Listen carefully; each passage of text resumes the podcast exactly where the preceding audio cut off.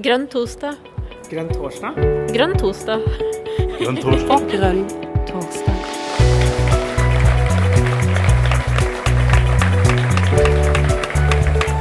Veldig, veldig bra. Jeg sier da velkommen til Grønn torsdag, og så overlater jeg ordet til Mariell. Ja, takk for det, Karina. Ja, velkommen til Grønn torsdag. Ja. Kjekt å se at vi er en gjeng. Eh, I dag har vi spurt en en Modest om å, å, prate litt for oss.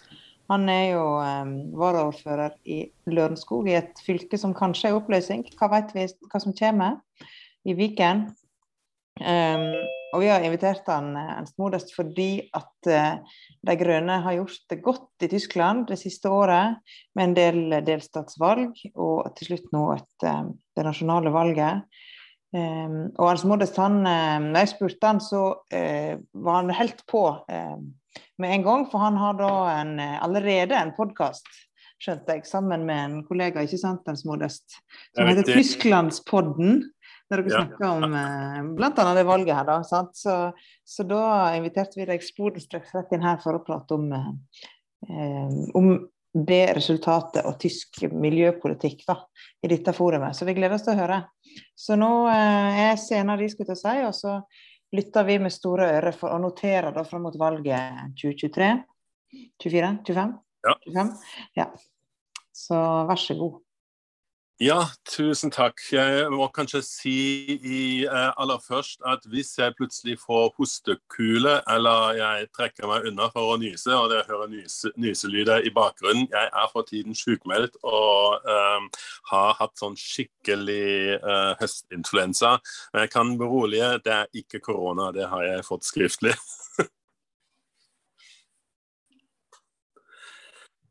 yes, um, da ja, da begynner jeg bare. Først litt om selve valget. Så litt eh, om mulighetene og sonderingene etter valget. Og om hvordan De grønne har utviklet seg i løpet av sin historie, og, hvorfor de for ca. tre år siden fikk et slikt boost at man egentlig kan uh, regne dem som tredje folkeparti. Eh, og de andre, Noen av de andre partiene, de tidligere folkepartiene, de er jo, fått, er jo egentlig ikke så veldig mye uh, større enn De grønne. I hvert fall ikke på delstatsnivå i den vestlige delen av Tyskland. Ja, dette valget var spesielt litt på mange områder første gang i historien til eh, forbundsrepublikkens uh, så stilte ikke sittende regjeringssjef til gjenvalg. Men det var kanskje ikke så rart etter 15 år med en krevende posisjon. Ikke bare innad i Tyskland, men egentlig vel så viktig for EU og mange kriser. For mange kriser har det har vært en del av regjeringstiden til Angela Merkel. Finanskrisen, Iran- og Afghanistan-krisen, flyktningkrise, klimakrise, koronakrise. Mens Merkel stort sett har stor tillit i utlandet, ble kritikken mot henne og hennes regjeringsstil større og større uh, enkelte, på, på enkelte områder. Spørsmål som modernisering av samfunnet eller digitalisering over hele landet er bare noen eksempler på ting der Tyskland tydelig har havnet i bakleksa. Jeg kan bare ta et eksempel. Eh, jeg eh, besøker min mor i Tyskland en sånn ca. tre ganger i året. Og kjører dem i bil med internettradio, og det går veldig greit gjennom Norge, Sverige, Danmark. Men så kommer jeg over grensen til uh, der det blir Flensburg. Og bare mellom Flensburg og Hamburg så er det um, tre, minst tre sånne uh, kringkastingshull. Uh, da, da, funker ikke nettet i det hele tatt. Og det er jo litt rart, når man egentlig tror at Tyskland er et vel ut, utviklet land. Men nok av det. Um, resultatet i, uh, i, Tyskland ble jo um, Største parti ble Sosialdemokratene med 25,7% Så kom 24 ja, Jeg kan jo si til Sosialdemokratene at i meningsmålingene tre måneder før så lå de ikke hos 25% men på 15 Så CDO som nest størst, 24,1 for, altså Åtte år tidlig vant CSU med 41,3% Så Det er bare for å uh, se um, hvor langt de har kommet ned. Uh, de grønne fikk altså 14,8 mot uh, 8,9% for fire år siden.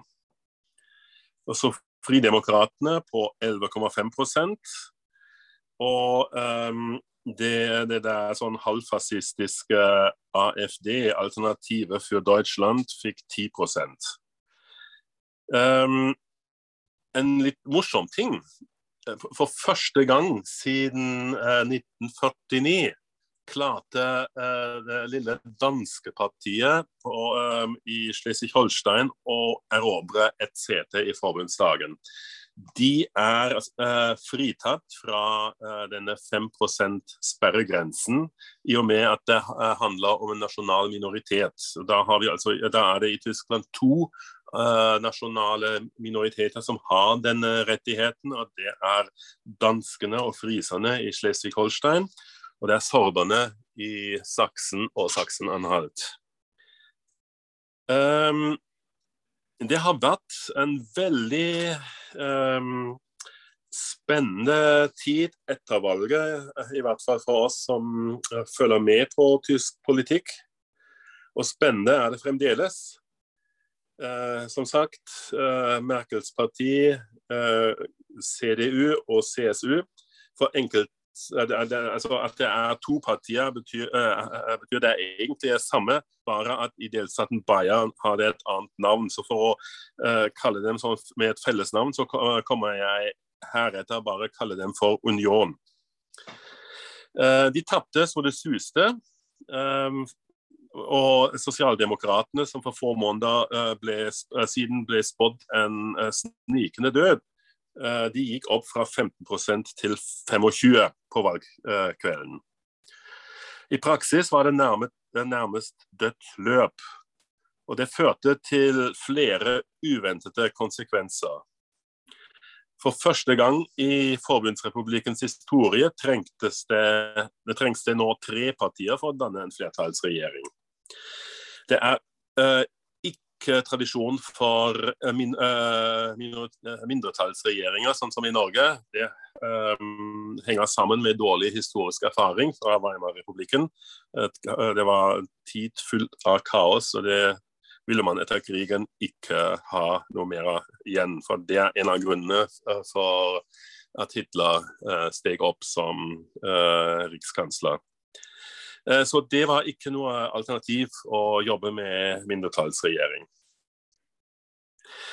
Eh, en, en, annen rar uh, sak er at for denne regjeringen trenger, trenger altså både Union og Sosialdemokratene støtte fra både De Grünen og Fridemokratene. For å samme, uh, sammenligne Fridemokratene med norske forhold, så må dere tenke dere Venstre uten fokus på miljøvern. Altså et parti som er, eh, ser veldig på næringslivet, små og middelstore bedrifter kanskje aller mest. Eh, men samtidig er de Grunnen eh, og, og, og Fridemokratene sammen er igjen til sammen større enn Sosialdemokratene. Det har jo gitt De Grønne og Fridemokratene en veldig interessant maktposisjon. For de kunne nå sette seg sammen, og det var det første som skjedde etter valget. Fridemokratene og De Grønne satte seg sammen. Og de to største partiene, eh, altså Union og eh, SPD, de måtte bare stille, sitte stille og vente hva de, de to andre ble enige om. Det er litt morsomt at lederen i uh, eh, CSU uh, eh, kalte det nedlatende for at han syntes, han syntes ikke noe om at, han, uh, at, dette her nå ble en castingshow, og at de, de, to største partiene kunne skulle altså bare vente hva de to mindre skulle bli enige om. Men for De grønne og Fridemokratene ble det en fantastisk mulighet. Og Det er omtrent så langt man har kommet. Teoretisk kunne det vært en mulighet for at også eh, Union og De grønne og Fridemokratene kunne et fler, ha et flertall. Men eh, det har skjedd så mye rart um, i uh, CDU. Altså, de har på en måte um, de har på en måte diskvalifisert seg sjøl til å være med og styre, med interne intriger i forkant og også etterpå. en eh, lederen i CSU eh, slo hele tida mot eh, felles kandidat, både før og etterpå. Så det er vel kanskje også en grunn for at de gjorde det så dårlig. Men nå ser det ut at det blir en såkalt um, ampel, uh, altså trafikklyskoalisjon, uh, trafikklyssamarbeid. Uh, og Det er altså ut fra de forskjellige partifargene. Altså I Tyskland er det sånn at uh, de altså Sosialdemokratene er rød, de grønne er grønn, og fargen for Fridemokratene er gul. Da er det altså et trafikklys. det er andre alternativer som teoretisk kunne vært mulig. Det kalles for Jamaica-koalisjon ut fra fargene. Eh, de konservative i Tyskland er ikke blå, men de er svart. Så da blir det som fargene i flagget til Jamaica. Eh, nå er det altså frem det, det, det, har vært uh, samtaler mellom uh, De grønne og Fridemokratene. og det var sånn at De grønne står nærmere Sosialdemokratene, men Fridemokratene er egentlig nærmere uh, Union. Men de har nå, Fridemokratene har skjønt at det er ikke noe å hente fra, i, hos Union, så de ble med å ha de første, først sonderinger med Sosialdemokratene. Og det er der vi står nå. Det kalles fremdeles sonderinger. De tar seg veldig god tid, men så må vi også huske på at valget i Tyskland var 14 dager etter det norske valget. Så at de, litt, uh, at de ikke er kommet så langt som i Norge, er ikke så rart. De um, skal nå um, gå ut i media i morgen uh, ettermiddag, tror jeg, uh, og, og, si om det blir offisielle forhandlinger nå med Eh, Sosialdemokratene, eller om de først skal ta sonderinger med uh, Union. Mitt tips er at de uh, kommer til å uh, gå inn for forhandlinger. Men you never know. Så er jo spørsmålet hva skjedde egentlig med De grønne, så de ble så store? Som sagt, um, årets valgresultat er på nesten 15 men det er ikke tilfeldig. Og det er heller ikke slik at det tyske samfunnet har forandret seg så veldig. Jeg tror det er, at det er de grønne som har forandret seg.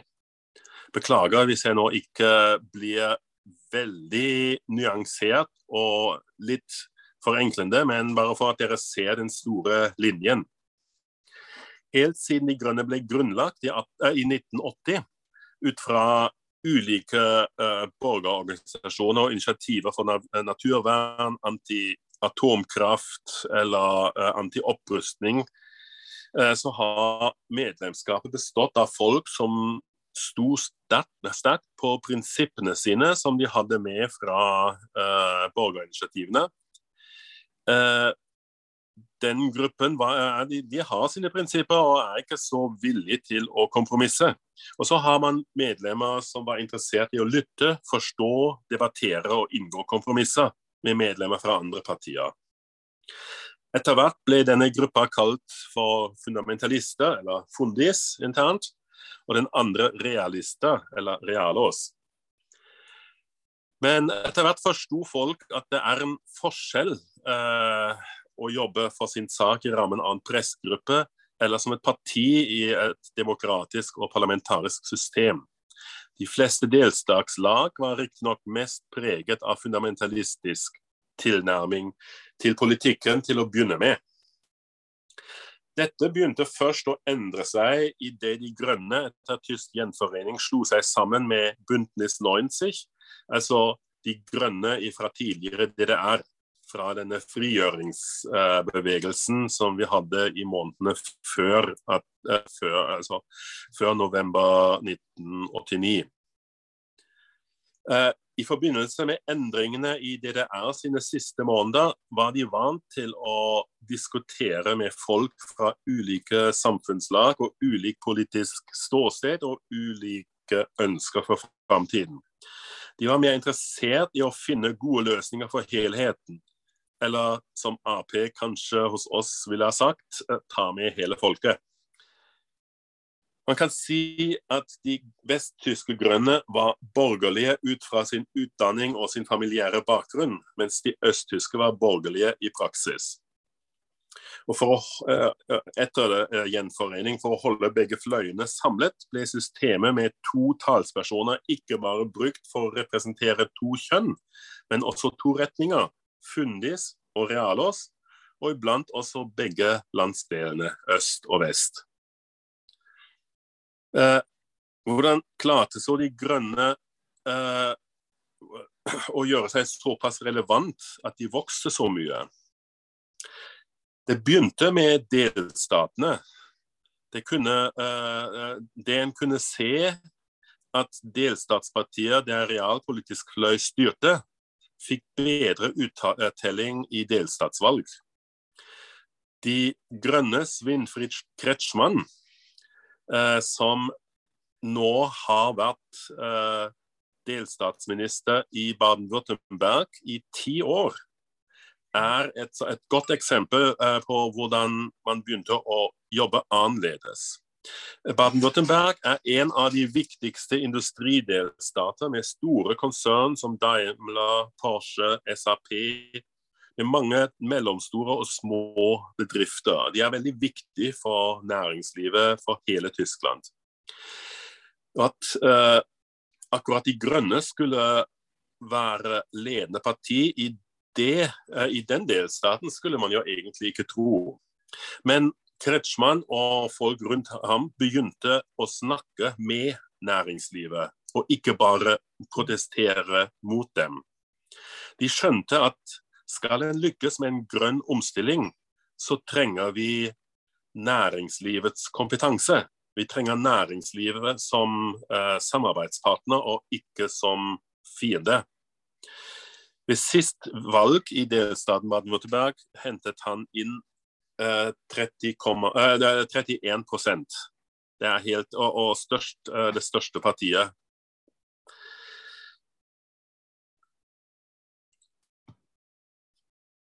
Så er det andre eh, grunner for, til fram, eh, framgangen. Flere velgere fra tradisjonelt borgerlig side opplever de grønne som relevante og mer spiselige enn før. Altså Det som vi har som et mål, egentlig, at eh, vi ikke skal tilhøre en blokk, men være åpne for eh, miljø- og klimainteresserte mennesker fra hele det spekteret, det har de grønne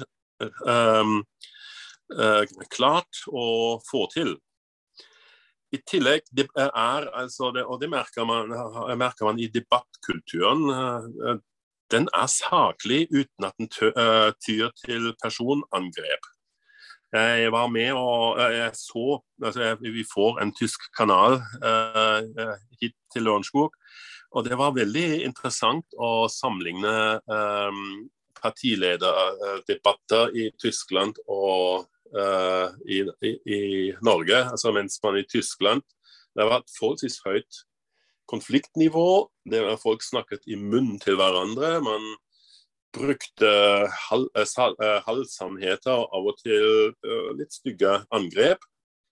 Så var det egentlig ganske greit mellom de tre toppkandidatene, hvor man var tydelig i sak, men veldig, uh, uh, veldig fair og til dels omsorgsfull i um, På det personlige svaret, så et eksempel da, da um, um, debattlederne plutselig glemte å stoppe klokka til, uh, til en av debattantene, så uh, var det uh, De Grønnes Annalina Baerbock som gjorde programlederne oppmerksom på det, så at, det, at, at den andre skulle få like mye tid.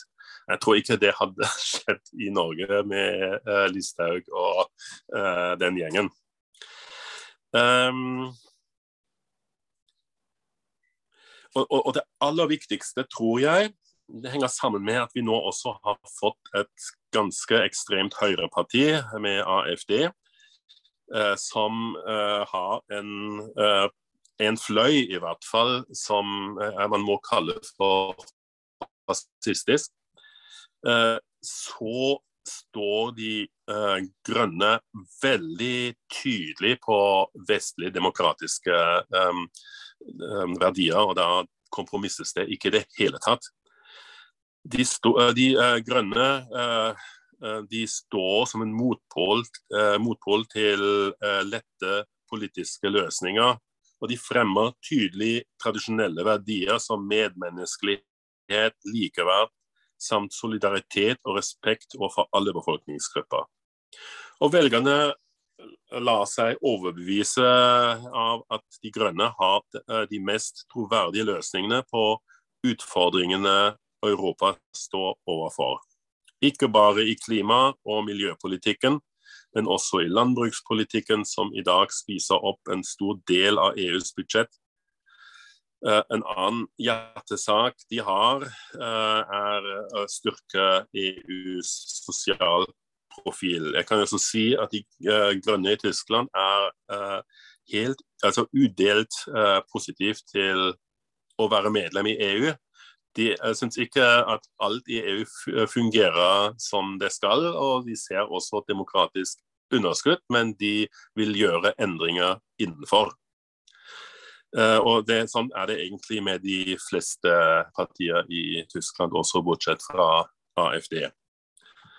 Um, som de fleste um, ytterste høyrepartier i Europa, så var AFD i, imot EU. Er litt rart når man kommer fra den tradisjonen, kommer til Norge og ser at venstresida er imot uh, EU. Så det er bare et lite apropos. Um, ja, um, så kan jeg Jeg må kanskje snart gi meg. Um,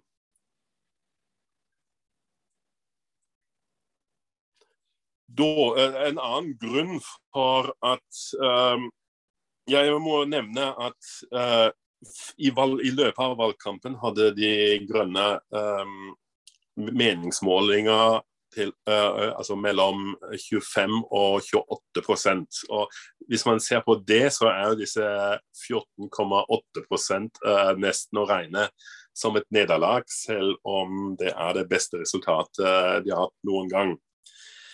Uh, det har mange, mange årsaker. det var altså jeg, jeg, mener at de, uh, de, Grønne gjorde en kjempefeil med å uh, nominere Annalena Baerbock som sin første viktig, altså sin kandidat til kanslervervet. og hun har vært forholdsvis ukjent. Um, hun har ikke sittet i en delstatsregjering før. Um, Uh, mens, uh, og så uh, hennes motkandidat Robert Habeck, som er den andre talspersonen. Han er um, Han har i flere år blitt kåret til en av Tysklands mest populære politikere. Og ikke bruke det kortet når man har en sånn person. Eh, så Jeg skjønner jo at De grønne har et prinsipp at man ved lik eh, kompetanse og eh, lik eh, bakgrunn og alt det der, at man da velger en kvinne i en situasjon hvor det er altfor uh, mange menn i politiske personer, det, det, har jeg full respekt for. Men å unne seg den luksusen når man først har en av landets mest populære politikere, og ikke sette ham opp, det har i hvert fall vist seg å være et skutt i egen fot, mener nå jeg. Men uh, som sagt, dette her for, for, meg er ikke dette et, uh, man, en mann-kvinne-sak. Så jeg tenker egentlig bare pragmatisk. Jeg veit ikke, men uh, kanskje det er nå på tide at, um, at vi åpner for spørsmål.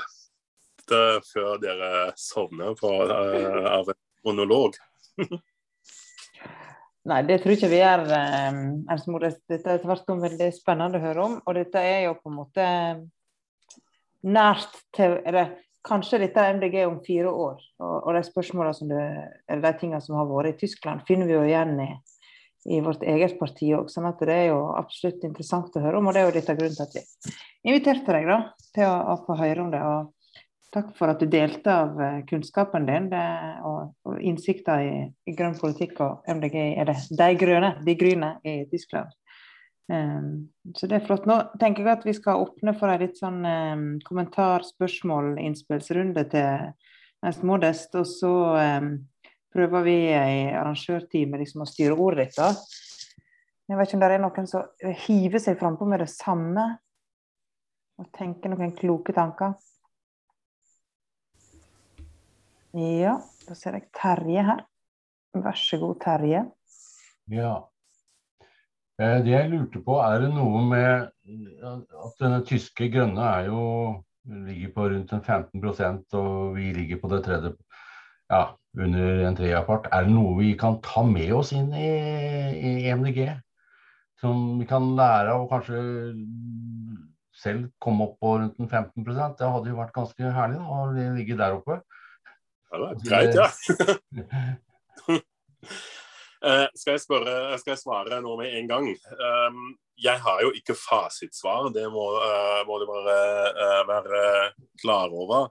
Men det de grønne i Tyskland har klart, er å åpne seg for det borgerlige sentrum. Folk som Det er flere og flere, også fra landbruket, som nå ser at um, landbrukspolitikken uh, er, er, god, at de egentlig har, har, mer å tjene med å uh, stemme De grønne. Um, vi blir fremdeles her i Norge sett på som et venstreparti, og til dels ytterste venstreparti.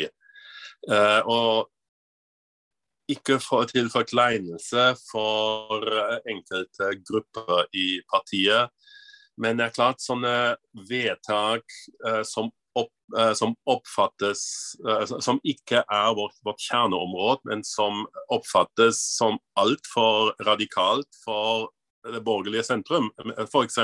utvidelse av aborttiden. Det er jo noe som, er, som tradisjonelt borgerlige velgere kan være opptatt av. Og vi har hatt en del sånne ting som jeg lurer på Altså, jeg, jeg skjønner jo at vi, vi skal være radikale eh, på, på våre, eh, våre kjerneområder, men må vi være fullt så radikale på andre områder? Det, det har også noe med å lokke folk til seg. Eh, vi kan ha den beste politikken som vi, vil, eh, som vi, uh, vi kan få, men hvis ikke vi får stemmer, så hjelper jo det ikke verken oss eller landet. Så ja, altså, jeg, jeg, mener jo at vi må prøve å På enkelte områder må vi må være litt mer uh, strategiske og litt mer pragmatiske, tenker jeg. Hvis jeg kan få hvis jeg kan si eh, en tanke til. Altså At man eh, har klare mål før man går i forhandlinger, eh, det skjønner jeg. Men å gå ut med ultimatum, lurer jeg på etter to valgkamper det er ikke lurt. De kan man ha internt for seg, men man kan ikke låse seg sånn at man ikke kan gå, gå for noen form for kompromiss. Det er, men det er mine tanker. ja. Jeg får lov til å stille et spørsmål til. og det er, eh, Vi er jo blitt, og vi har vel snakka om det sjøl eh, internt også i etterkant, at vi er blitt oppfatta som et ensaksparti. Det har vært en, et sånt tema som har vært diskutert uh, av andre og oss sjøl. Hvordan er det grønne? Er de også oppfatta som en ren altså mer som uh, kun et miljøparti uh, som har fokus på miljøkampen, eller oppfattes de å ha sterke meninger og, og, og tunge tanker om andre områder også? Ja, ja, sterke meninger betyr ikke nødvendigvis gode meninger. Men, Nei, altså eh, De har en helhetlig politikk, og folk er klar over at eh, altså, Det er det partiet som selvfølgelig har mest troverdighet på klima og miljø, og det skal et grønt parti ha. Ehm, men de, eh, de, har en veldig god helhetlig politikk. Det som gjør at vi stadig vekk, selv om vi sier uh, noe annet, blir tatt som en ensaksparti for klima og miljø, er kanskje navnet vårt. Altså, De fleste europeiske land da heter partiet bare De grønne eller Le Verd. Eh, eh, vi har eh, det, der i navnet Miljøpartiet, og det binder oss kanskje litt for tett til miljømassen. For um, grønn filosofi, uh, hvis jeg tenker på tankene til Arne Næss, det, det, det, går jo ikke på klima og miljø uh, bare, men på uh, altså hele livet.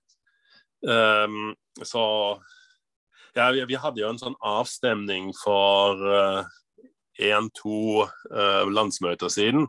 og da, ble, uh, da, da, stemte jeg for at vi bare skulle he eh, hete De grønne, men det fikk jo ikke flertall. Men um, kanskje det er uh, Vi burde kanskje tenke en gang til. altså Det er ikke noe, noen viktig sak, vi kan godt hete det. Men vi, vi, må tenke litt hva er lurt. Som sagt, vi, Det hjelper ikke å ha en god politikk hvis vi ikke blir valgt på den. Takk, eh, takk, skal du ha, Ernst eh, Modest. Da er det Hanne som er uh, neste. Og så Hvis du har flere oppfølgingsspørsmål, Terje, så er det bare å tegne deg, så får du ordet igjen senere. Mm. Men Hanne først, vær så god. Ja, hei, hei. Um, og to ting. Det ene var navn, og det andre var næring, næringslivet.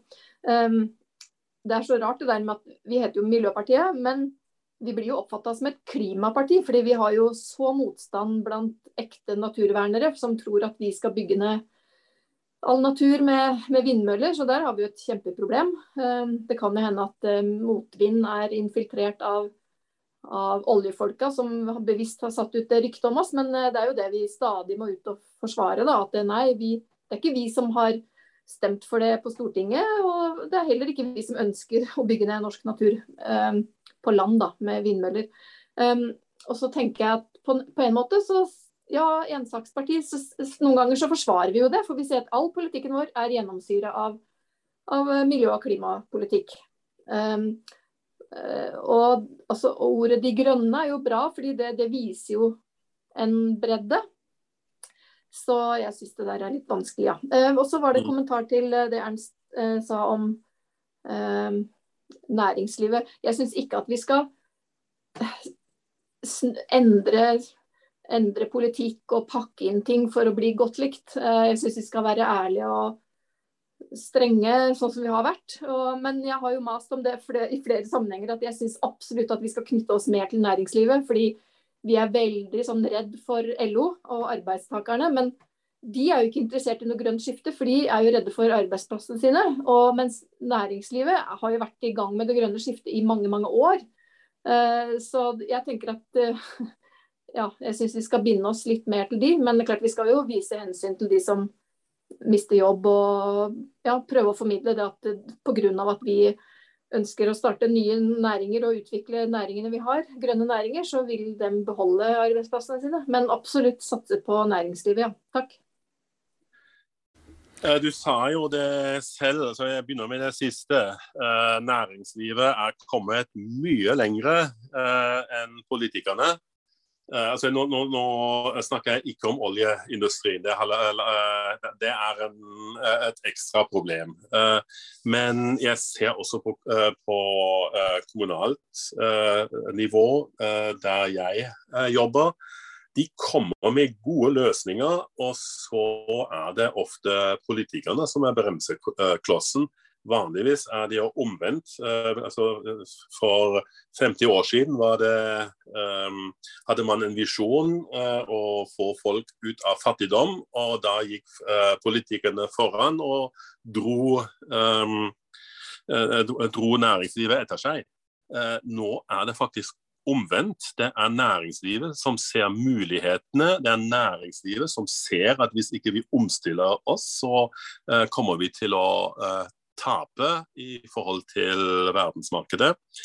Eh, og det, eh, og det andre er at det er jo de som sitter med disse gode ideene, de sitter med eh, kompetansen av hva, hvilke alternativer man kan gjøre. Og jeg tror det er bedre å ha de som samtalepartnere og um, debattmotstandere til dels også. Um, enn å bare kjempe imot.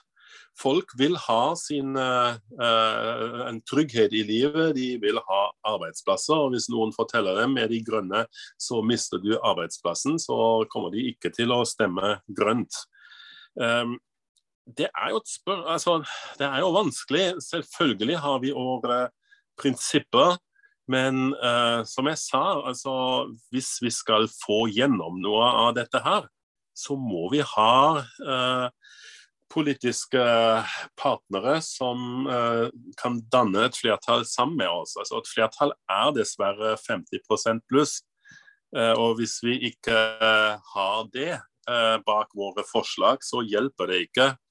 uansett hva vi ønsker av gode tiltak. Men det er dette spørsmålet om eh, fundamentalistisk tilnærming og realpolitisk tilnærming. Eh, jeg vil ikke at vi mykner opp, men jeg vil, eh, jeg vil at ikke det beste blir det godes fiende, for å si det sånn. Hmm. Det høres ut som en, eh, en god oppsummering, det. Ikke la det beste bli det godes eh, fiende. Takk for det, Ernst. Eh, Mariell, du har faktisk bedt om ordet for spørsmål, du. Vær så god. ja, takk. Jeg kunne jo gitt meg sjøl det, men takk for at du ga det til meg, Karina. Eh, jeg bare tenker, Ernst Modest, jeg eh, har det inntrykket av at Eller vi har jo jobba med en strategi i MDG som bl.a. har sagt at vi skal være et bredt grønt folkeparti, ikke sant? Ja. Um, og så har jeg da på en måte sett litt sånn med et halvt øye mot Tyskland, der jeg har en oppfattelse av da, at kanskje den, det tyske folket er mer grønt anlagt enn det norske. Og der lurer jeg litt på om du kan avkrefte eller bekrefte mine mistanker.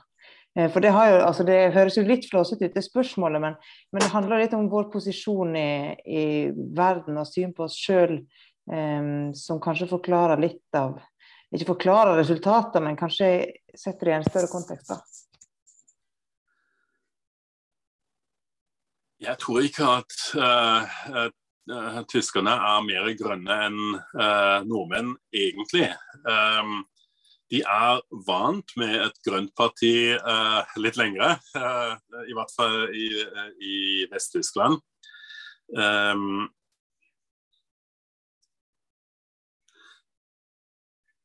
vi snakker om, om, ønske, om, dette ønsket, vi ønsker å bli et grønt folkeparti, og det er jeg helt enig i. Men hvordan altså Hva er forutsetning for at vi kan bli det? Det er jo at vi, at, at vi overbeviser folk at vi vil dem vel. Og det har vi ikke det har vi klart i Oslo. Det har vi Ja, egentlig bare i Oslo. ja, kanskje i, i Vardø også. Men um, selvfølgelig, andre partier forteller mye rart om oss. Det, men det kan vi ikke gjøre noe med. Det, det skjer bare. Uh, vi kan bare gjøre noe selv. Uh, og det, hjelper ikke å, å, klage på andre. Um, ja, som sagt, altså Jeg um, Vi må være litt forsiktige med å krisemaksimere alt. Altså, det er klart det der med, uh, med kode rød fra um, FN, det er, det er, veldig alvorlig. Og, men um, og, og det, er det, det, er, eh, det, er, kjempealvorlig at, eh, at, vi ikke i Norge klarer å senke vårt eh, CO2-avtrykk noe nevneverdig. Nær plattform vi ble presentert i går, er jo bare tragisk, spør du meg. Men det, um, uh, men det er vår oppgave å overbevise folk at vi vil dem vel. Altså det er Så enkelt er det. Um, jeg ser jo da, uh, dette her jo fra Lørenskog, dvs. Si utenfor bomringen. I, uh, og, og, jeg ser jo at særlig folk som bor innenfor uh, bomringen, de, de, er kjempefornøyd. De har fått et bedre liv. Men um, utenfor bomringen, det, det, gjelder jo også uh, Groruddalen i Oslo. Og, um, som, de har jo omtrent uh, lik tilslutning som vi på, uh, på Nedre Romerike. Sånn, uh, det ligger på en ja, mellom uh, 5 og 10 prosent. um, de da, da, har vi ikke, vi har ikke overbevist. Har, folk ser her at De grønne har ansvar for at det har blitt dyrere for meg å kjøre til, til byen. Eh, det blir, har blitt vanskeligere å parkere bilen min. Eh, og det, jeg, jeg, jeg, kritiserer ikke tiltakene, de, er, de, var helt nødvendige og er helt nødvendige. Men um, det, er, det, er, litt uh, vanskeligere å forklare det for folk som bor uh, her hos meg, enn å forklare det for de som, overfor de som har fått et bedre liv og mer plass til å boltre seg. Jeg, så har vi et uh, problem. Det er jo at det meste av norsk media er veldig Oslo-sentrert. Um, det, det, har jo ført til at uh, folk som ikke følger med i, uh, i norsk politikk, nærmest tror at godeste Lan Marie egentlig er lederen av Norge, og i hvert fall av samferdselspolitikken. Um, og så har vi denne gamle pietistiske eh, tradisjonen med at alt, alle spørsmål er enten-eller. Altså enten eh, helvete eller, eh, eller, himmel. Fortapelse eller frelse. Eh, det, det, ser man jo i, i flere uh, politiske spørsmål, om det er EU eller ja, hva det måtte være. Veldig mye enten-eller-politikk. Så vi må jo prøve å lage politikk foran den Eh, i, på bakgrunn av denne um, historien. Så vi kan jo ikke nødvendigvis um, overføre alt som Tyskland har lykkes med, til oss. Men det er veldig lurt at vi ser nøye til Tyskland, og så lære av det de har gjort. Og så se hva er det som passer for oss, hvilke argumenter uh, går inn hos våre folk. Um, men vi må lage en, en, politikk og et valgprogram som gjør at folk skjønner at uh, Miljøpartiet De Grønne vil dem vel. Miljøpartiet De Grønne vil dem vel. Hva tenker du Hanne, du har bedt om ordet? Ja, takk. Eh, tilbake til det Mariel spurte om. da. Jeg, jeg, er litt uenig med Ernst, men det er jo bare teorier. Men eh, helt siden jeg begynte å spise økologisk mat og gradvis ble veggis og sånn, så har jeg tenkt på det, forskjellen på særlig Danmark, Tyskland. ikke sant? Det, alle de her kosmetikkmerkene eh, økologiske kommer jo derfra. Um, og Samtidig så er det jo mye mer økologisk mat og kosmetikk både i Tyskland, Danmark og Sverige òg. Mens her på berget her så vi ser jo på, vi tror alt er så rent og fint her. ikke sant? Norsk ren natur og drikke vann rett i naturen. Og, så Det er noe med den innbilningen vi har her, da, at alt er så rent her. Og så mm. tenkte jeg at kanskje det hadde litt med steinskolen å gjøre, men jeg tror aller mest så har det å gjøre med at eh, altså Vi fant jo olja på 60-70-tallet og slapp på en måte å bygge ned så mye flere fosser og, kull, og ha kullkraftverk og sånn. Så jeg tror at de her kullskyene i Tyskland på 70-tallet og sånn, at jeg tror det har gjort at de har liksom snudd seg litt mer i 180 grader da i Tyskland. Fordi de har sett hvor fælt det ble med, med all kull og, og, sånn. Men det er bare sånn jeg tror. Um, så jeg tror, er, ja, jeg tror, det er, at de har sett behovet mer for grønn, et grønt skifte da, i Tyskland og delvis Danmark. Jeg husker jo på 70-tallet òg. Sånn, vi så på dansker som sånn De sykla rundt med fotformsko ikke sant? og spiste økologisk. Og det er jo annerledes enn vi har sett på oss sjøl. Så det er jo en kulturforskjell, mener jeg, da. Uh, ja. Takk, takk. Ja, på en måte, men det er litt sånn um, dyrekjøpt erfaring. Altså, mine, min bestemor fortalte meg litt om uh, altså Hun var født i 1909, og hun, hun har vokst opp i eller Begge besteforeldre er vokst opp i rurområdet, eller rundt rurområdet. Og det hun fortalte um, av luft, hvordan luftkvaliteten var på enkelte dager, det var altså ikke noe vakkert uh, syn for det indre øynet. Um, sånn sett, og, og elvene på 60-tallet var rett og slett helsefarlige. Det har man, og sånn sett har man sett at her må man gjøre noe. Um, men det var jo før De grønne uh, kom inn. Uh, jeg tror vi må Altså, jeg har jo lenge uh, lurt på hvorfor er det et sånt hat mot De grønne. En ting er at man er politisk uenig, men er det virkelig andre partier som opplever samme type hat? Og det tror jeg uh, ja, På den ene siden altså, nå, nå, er jeg teolog, så det er, jeg bruker de eksemplene jeg, jeg har. Uh, men uh, den der um, jeg tror at norsk politikk den dag i dag er preget av, uh, av pietismen. Uh, med, med, enten eller og uh, fortapt eller frelst.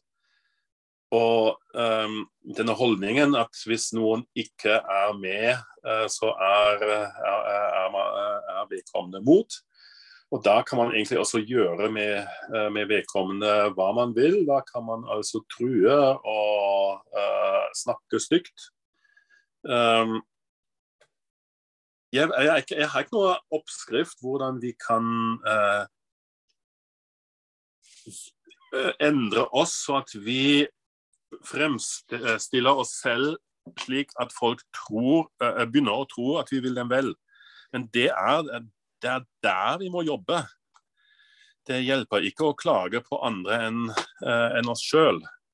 Og ja, eh, det fins um, mange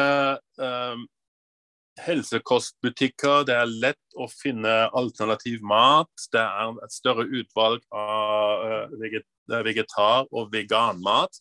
Men tyskerne har ikke et inntrykk av at nå vil de grønne at vi alle skal spise kjøttfri. Det er det som er forskjellen. Uh, og jeg har ikke opplevd blant de uh, grønne at man har vel, gått veldig sterkt inn for at uh, man skal promotere en viss måte å ernære seg på. Altså, det blir sett på et fritt valg, og alle er enige om at uh, vesteuropeisk kost er altfor kjøtttung, altså rent av helsemessige årsaker. Men um, vi må kanskje altså, vi, selvfølgelig må vi legge til rette at flere får muligheten til å velge den kosten de vil ha av uh, vegetar og vegan. Men uh, det må ikke komme uh, må, må, ikke bli forstått slik at det er ikke greit altså, at, du, at, du, nå må slutte å spise juleribbe. Vil du følge opp, Hanne, før jeg gir ordet til Jonas etterpå? Ja, veldig kort. Eh, tilbake. Ja, det er jo sånn at eh, ja, vi skal bare med måte kutte ned på kjøttet, men skal vi bare med måte gå over til elbiler? Skal vi bare med måte kutte ut olja? Altså Til og med i Miljøpartiet så er det følelsene tar overhånd. Eh, det er klimavennlig å spise vegetabilsk istedenfor animalsk. Men det klarer ikke vi å se. Vi skal liksom, det, skal vi ikke, det skal vi ikke snakke om. Uh, mens alle andre felter, der er det jo om å gjøre å kutte mest mulig på klimagassutslipp. Så, så vi møter oss sjøl i døra til de grader, da. Takk. ja, men da um, har jeg litt, så får jeg litt en, eh, en følelse av enten-eller igjen. Um, altså, Arbeiderpartiet tar jo denne, dette slagordet som en sovepute. Altså, vi må, vi må ta med alle. Uh, og folk må, uh, må kunne uh, må, må, må, følge med. og jeg mener, men det er noe i det likevel. Um, og det mener jeg ikke som sovepute, men det hjelper ikke å ha den fantastiske politikken hvis vi ikke, blir, hvis ikke vi får stemmer nok til å faktisk gjøre en forskjell. Vi kan mene hva vi vil. Så lenge vi er under sperregrensen, så hjelper det ikke så veldig. Nei, det har du helt rett i, Ernst. Jonas, vær så god, ordet er ditt. Takk skal du ha, og takk Ernst Modus. Det er veldig interessant å høre på deg. Det er én ting som er kanskje en debatt å dra i gang to minutter før vi er ferdig, men vi prøver allikevel, for jeg syns det er viktig. Og det er eh, på en måte hvordan eh, opplever du det politiske landskapet i Tyskland eh, på den måten, altså sammenligna med Norge, da? For jeg vil jo si at det norske politiske landskapet er jo ganske fragmentert. på en måte Vi har veldig mange partier. Og det er kanskje litt vanskelig for MDG å finne så akkurat hvor skal man posisjonere seg da, opp, mot, uh, opp, mot, de andre partiene. Og Jeg lurte litt på om du kunne si hva, uh, hvordan opplever du at De Grønne har gjort det i Tyskland? For det, ja, det er jo, det er mange, mange, partier, mange, partier, der òg, men ja. der kan, er, det et, er, det et, større mulighetsrom, som du ser det, enn vi har i Norge? altså I det tyske parlamentet har, er det seks partier som er en økning der, også der. Og så eh, pluss den ene representanten av det danske partiet, som jeg syns er veldig uh, flott at, uh, at, hun kom inn. Um, det, det, er virkelig litt vanskelig å begynne med dette her for to minutter før, fordi Tyskland er Eh, er ikke, altså det, det, er ikke ett land. Eh, det er ulike regioner med ulik tradisjon, og ikke minst øst og vest. Vi er de grønne. altså Når jeg sier vi, de grønne er sterke i uh, Vest-Tyskland med de, de, siste delstatsvalgene med ja, Toppen var 31 i Baden-Württemberg, men også flere med, på 20-tallet. Og så har man i Øst-Tyskland så um, Eh, ligger de på så vidt over sperregrensen. Heldigvis er det ikke så mange innbyggere i øst. Eh, det Hvordan skal man posisjonere seg? Altså, jeg opplever jo at uh, den der blå-grønn linja som vi har der, så veldig streng, den er ikke så streng lenger i Tyskland. Eh, det er ikke noe parti som er villig til å jobbe med AFD, og det er jeg veldig glad for. Og så er det Altså, de, de, de, de, ses på som pariaklasse, og det har de uh, all, Det har de andre uh, partiene all grunn til å gjøre. og så det er, det er fordi tradisjonelle konservative partiene er det utenkelig å jobbe sammen med De Linke. Særlig fordi det er jo uh, på en måte en etterfølger, uh, etterfølger av det gamle statspartiet SID i Øst-Tyskland. Men det er nå egentlig bare i ord. Altså, de sitter jo i enkelte delstater også i regjeringen. og etter hvert så blir man litt pragmatisk. Og alle andre partier, uh, altså samarbeidskonstellasjonene de går på, i delstatene, de går på uh, kryss og tvers. Uh, samme i kommunene. I storbyene er det jo Der er vi veldig sterke. Um, Hamburg, München, Frankfurt, de har altså grønne ordførere. Um, eller så sitter de i byparlamentene.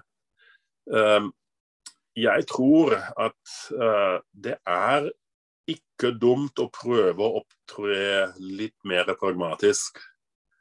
Altså, jeg, hvis jeg tenker sånn politisk, så ser jeg at 10 er ekstremister på den ene sida, og da tenker jeg eh, sånn fascistisk på en måte, eller sånn veldig til venstre. Der har du også ca. 10% Så har du 80% i midten, som stort sett er ordentlige folk som det går an å prate med. Man er ikke nødvendigvis enig, men det går an å snakke, forhandle. eh, eller så jeg, jeg, hadde vært opp til meg, så hadde jeg forbudt denne uh, høyre-venstre-aksen. det er bare tull. Uh, det er en, gammel, en relikt av gamle dager som bare Høyre og Arbeiderpartiet har tjent på, og som ikke svarer uh, på dagens spørsmål eller problemene som verden står overfor i dag.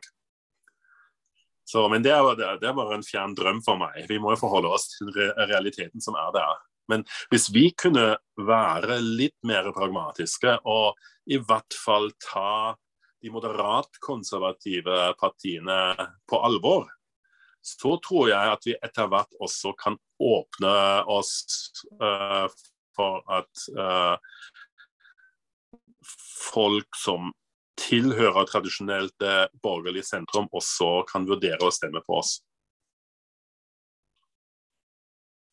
Ja, takk for det. Jeg følger opp, eh, følger opp, kjapt. fordi Det jeg tenker litt på, er jo at eh, vi eh, er jo sikkert mange av oss som har vært med på valgkampevaluering i lokallag og fylkeslag om dagen. Og det er sikkert eh, noen som mener at vi tapte velgerne våre til Venstre, og noen mener at vi tapte litt til Rødt, og noen til SV. Så eh, det, som, det jeg skulle litt fram til, er at vi har jo på en måte partier på begge sider som eh, på ulike måter er litt like på oss. Eh, så, så, så, det var litt det, litt eh, det, jeg tenkte på. Så jeg er jo enig i at den eh, aksen, den må vi jo bare få, få lagt bort så fort som mulig. Jeg... Yes. Eh, da tror jeg vi Nå er klokka i hvert fall runder ni, og vi begynner å lande samtalen òg.